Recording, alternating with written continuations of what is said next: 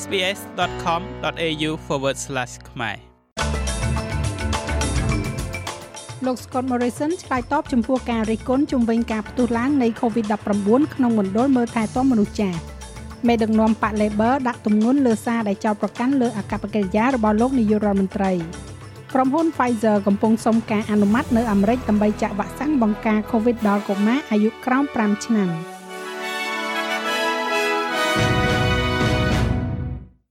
មនុស្សប្រហែលជា566នាក់នៅក្នុងមណ្ឌលមើលថែទាំមនុស្សចាស់បានស្លាប់នៅក្នុងអំឡុងពេលផ្ទុះឡើងនៃ COVID-19 បច្ចុប្បន្នវាកើតឡើងនៅពេលដែលលោកនាយករដ្ឋមន្ត្រី Scott Morrison រងការរិះគន់ចំពោះការឆ្លើយតបរបស់រដ្ឋាភិបាលមកលើរលក Omicron នេះមានករណីឆ្លងចំនួន11000ករណីនៅក្នុងចំណោមអ្នកដែលរស់នៅក្នុងមណ្ឌលមើលថែទាំមនុស្សចាស់នៅក្នុងរដ្ឋ New South Wales ហើយមានតែម្នាក់ក្នុងចំណោម10នាក់ប៉ុណ្ណោះដែលបានចាក់វ៉ាក់សាំងដូសជំរុញរបស់ពួកគេរួចហើយប៉ុន្តែលោក Morrison និយាយថាមនុស្សជាច្រើនដែលបានស្លាប់ដោយសារ COVID-19 នោះគឺបានស្ថិតនៅក្នុងដំណាក់កាលនៃការមើលថែទាំចុងក្រោយនៃជីវិតរបស់ពួកគេរួចស្រាប់ទៅហើយ They're in palliative care ពួកគេគឺបានស្ថិតនៅក្រោមការថែទាំអ្នកជំងឺដំណាក់កាលចុងក្រោយហើយដែលនៅសេសសល់ក៏មានផងដែរដូចជាអ្នកដែលមានអាយុច្រើន មានរោគប្រចាំកាយ ប៉ុន្តែហើយនៅពេលដែលពួកគេបានទទួលមរណភាពគឺពួកគេមាន COVID ប៉ុន្តែពួកគេក៏មានបញ្ហាសុខភាពជាច្រើនទៀតដែលពួកគេកំពុងតែប្រយុទ្ធតស៊ូផងដែរហើយរាល់ជីវិតដែលបាត់បង់គឺជាទុក្ខសោកដ៏សង្រេងមួយប៉ុន្តែរាល់ជីវិតដែលបានសង្គ្រោះគឺជាពរជ័យដ៏អស្ចារ្យមេដឹកនាំបកប្រឆាំងលោក Anthony Albanese បានដាក់ទម្ងន់ទៅលើការផ្លាស់ប្ដូរសារជាអក្សរគ្នារវាងអតីតអភិបាលរដ្ឋ New South Wales លោកស្រី Gladys Berejiklian និងរដ្ឋមន្ត្រីនៅខុទ្ទកាល័យបក Liberal ដែលមិនបញ្ចេញឈ្មោះម្នាក់នៅក្នុងសារនោះលោកស្រី Gladys ត្រូវបានគេចោទប្រកាន់ថាបានហៅលោកនាយករដ្ឋមន្ត្រី Scott Morrison ថាជាមនុស្សគួរឲ្យស្អប់និងខ្វាយខ្វល់អំពីនយោបាយច្រើនជាងប្រជាជនរដ្ឋមន្ត្រីនៅខុទ្ទកាល័យបក Liberal រូបនេះត្រូវបានគេចោទប្រកាន់ថាបានឆ្លើយតបទៅវិញដោយដាក់ងារឲ្យលោក Morrison ថាជាមនុស្សវិកលចរិតលោក Albany និយាយថាប្រជាជនអូស្ត្រាលីសមនឹងទទួលបានមេដឹកនាំដែលល្អជាងនេះ The statement from the former premier សេចក្តីថ្លែងការណ៍របស់អតីតអភិបាលរដ្ឋដែលជាអភិបាលរដ្ឋនៅពេលនោះដែលលោកស្រីបាននិយាយដូចនេះថាការរស់នៅគឺស្ថិតនៅក្នុងបញ្ហាសពថ្ងៃនេះហើយគាត់ឆ្លុះវង្វេងតែនឹងបន្ទុកនយោបាយប៉ុណ្ណោះខ្ញុំគិតថាវាគឺជារឿងមហន្តរាយខ្ញុំគិតថាគ្រាន់តែចំណុចនោះគឺគ្រប់គ្រាន់នៅក្នុងការដកសិទ្ធិគាត់ពីការធ្វើជាអ្នកដែលទទួលបានតំណែងក្នុងទសវត្សរ៍ទី2ហើយប្រជាជនអូស្ត្រាលីសមនឹងទទួលបានប្រសើរជាងនេះ លោកស្រី Berry Chiglian និយាយថាលោកស្រីនឹកមិនឃើញអំពីសារនោះទេហើយលោកស្រីបានបញ្ជាក់ឡើងវិញនៅការគ្រប់គ្រងរបស់លោកស្រីចំពោះលោកនាយករដ្ឋមន្ត្រីក្នុងពេលជាមួយគ្នានេះលោក Scott Morrison បានច្រានចោលសំណួរអំពីសារលេចធ្លាយដែលគេចោទប្រកាន់នេះលោកនិយាយថាលោកមិនខ្វល់នោះទេថាតើនរណាជារដ្ឋមន្ត្រីបក Liberal រូបនោះហើយក៏មិនបានបញ្ជាក់ថាតើនឹងមានការស៊ើបអង្កេតឬក៏អត់ដែរ លោកនិយាយទៀតថាលោកមានទំនុកចិត្តថារដ្ឋមន្ត្រីរូបនោះមិនស្ថិតនៅក្នុងខុទ្ទកាល័យរបស់លោកទេលោក Morrison បានទាញការផ្ដោតអារម្មណ៍ទៅលើសេដ្ឋកិច្ចជំនួសវិញ What people say in text messages on Twitter frankly អ្វីដែលមនុស្សនិយាយនៅក្នុងសារជាអក្សរនិងតាម Twitter និយាយដោយត្រង់ទៅ វាមិនមានអ្វីពាក់ព័ន្ធនឹងការងាររបស់ពួកគេទេអ្វីដែលពួកគេចំណាយនៅផ្សារទំនើបឬនៅកន្លែងផ្សេងទៀតនោះគឺជាបញ្ហាដូច្នេះហើយខ្ញុំផ្ដោតទៅលើការរក្សាសេដ្ឋកិច្ចរបស់ប្រទេសអូស្ត្រាលីឲ្យនៅរឹងមាំរក្សាសវត្ថភាពដល់ប្រជាជនអូស្ត្រាលីនិងក្រោកឈរឡើងចំពោះអ្នកដែលនឹងបង្កគ្រោះថ្នាក់នឹងការគំរាមកំហែងដល់ផលប្រយោជន៍របស់អូស្ត្រាលី។ យើងក៏លេខមកមើលតួលេខឆ្លងនៃ COVID-19 វិញនៅរដ្ឋ New South Wales បានកត់ត្រាករណីស្លាប់27នាក់ជាមួយនឹងការឆ្លងថ្មី11807ករណី2622នាក់កំពុងព្យាបាលក្នុងមន្ទីរពេទ្យដែលរួមមាន170នាក់ស្ថិតនៅក្នុងបន្ទប់ ICU នៅរដ្ឋ Victoria បានកត់ត្រាករណីស្លាប់25នាក់ជាមួយនឹងការឆ្លងថ្មី14533ករណីនិង768នាក់ស្ថិតនៅក្នុងមន្ទីរពេទ្យហើយ99នាក់នៅក្នុងបន្ទប់ ICU ដែល31នាក់ត្រូវការខ្យល់ជំនួយដង្ហើមនៅឯ Tasmania ក៏ត្រាករណីថ្មីចំនួន666ករណីមិនមានមនុស្សស្លាប់នោះទេ13នាក់ស្ថិតនៅក្នុងមន្ទីរពេទ្យ ខណៈដែលអ្នកជំងឺ8នាក់កំពុងទទួលការព្យាបាលជាពិសេសសម្រាប់អាការៈនៃវីរុសនេះ2នាក់ស្ថិតនៅក្នុងបន្ទប់ ICU នៅរដ្ឋអូស្ត្រាលីខាងត្បូងមនុស្សម្នាក់បានស្លាប់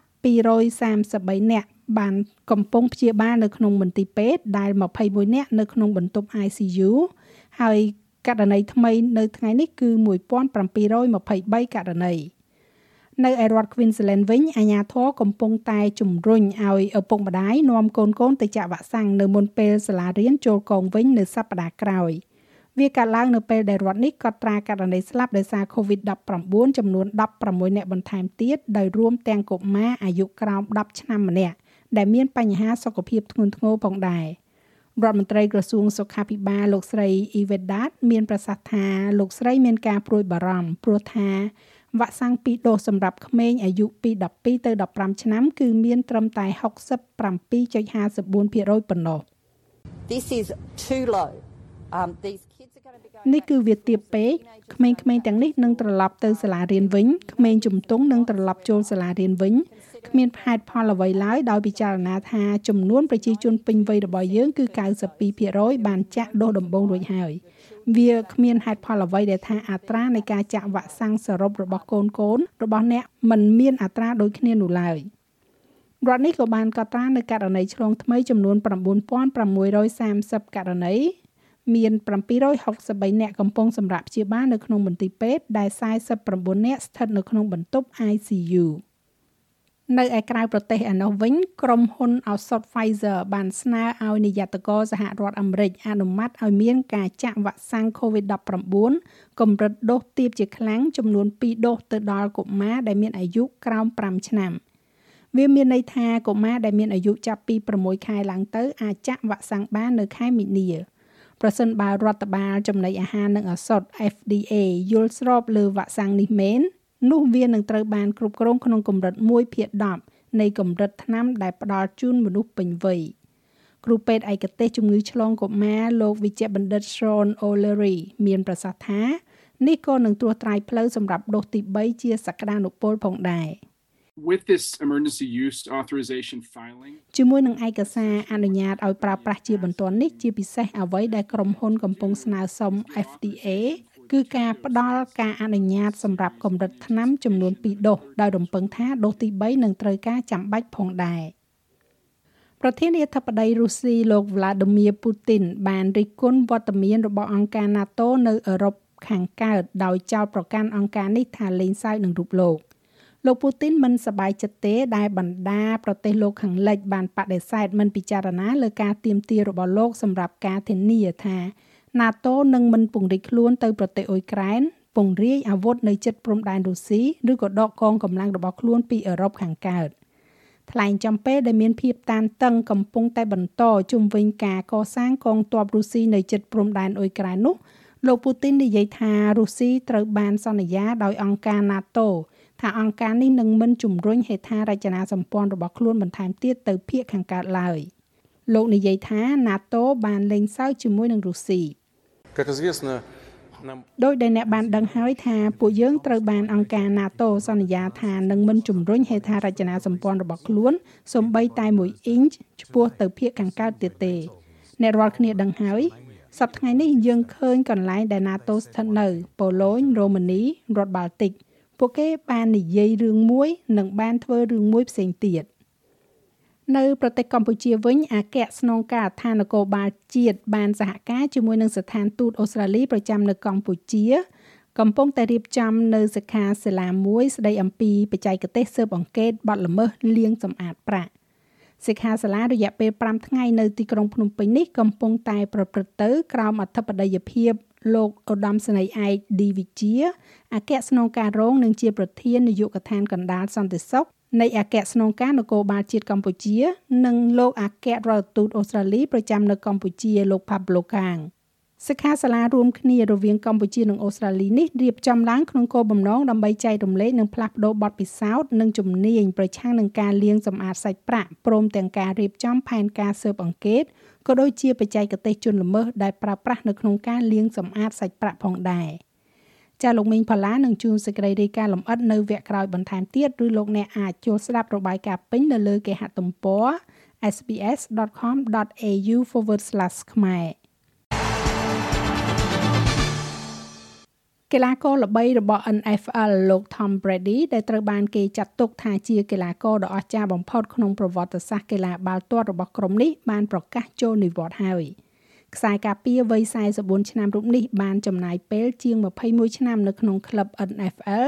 រួមទាំង20ឆ្នាំជាមួយនឹង New England Patriots ដោយបានឈ្នះពានរង្វាន់ Super Bowl ចំនួន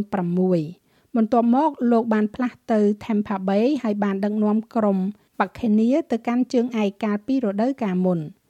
លោក Brady បានសរសេរសេចក្តីថ្លែងការណ៍អំពីការចូលនិវត្តន៍របស់លោក នៅលើបណ្ដាញសង្គម Twitter លោកបាននិយាយថាលោកបានព្យាយាមអស់ពីសមត្ថភាពជារៀងរាល់ថ្ងៃនៃអាជីពរបស់លោកយើងក៏លេខមកមើលអត្រាប្តូរប្រាក់វិញ1ដុល្លារអូស្ត្រាលីមានតម្លៃប្រមាណជា71សេន3ប្រាក់ដុល្លារអាមេរិកត្រូវនឹង2900រៀលប្រាក់រៀលខ្មែរ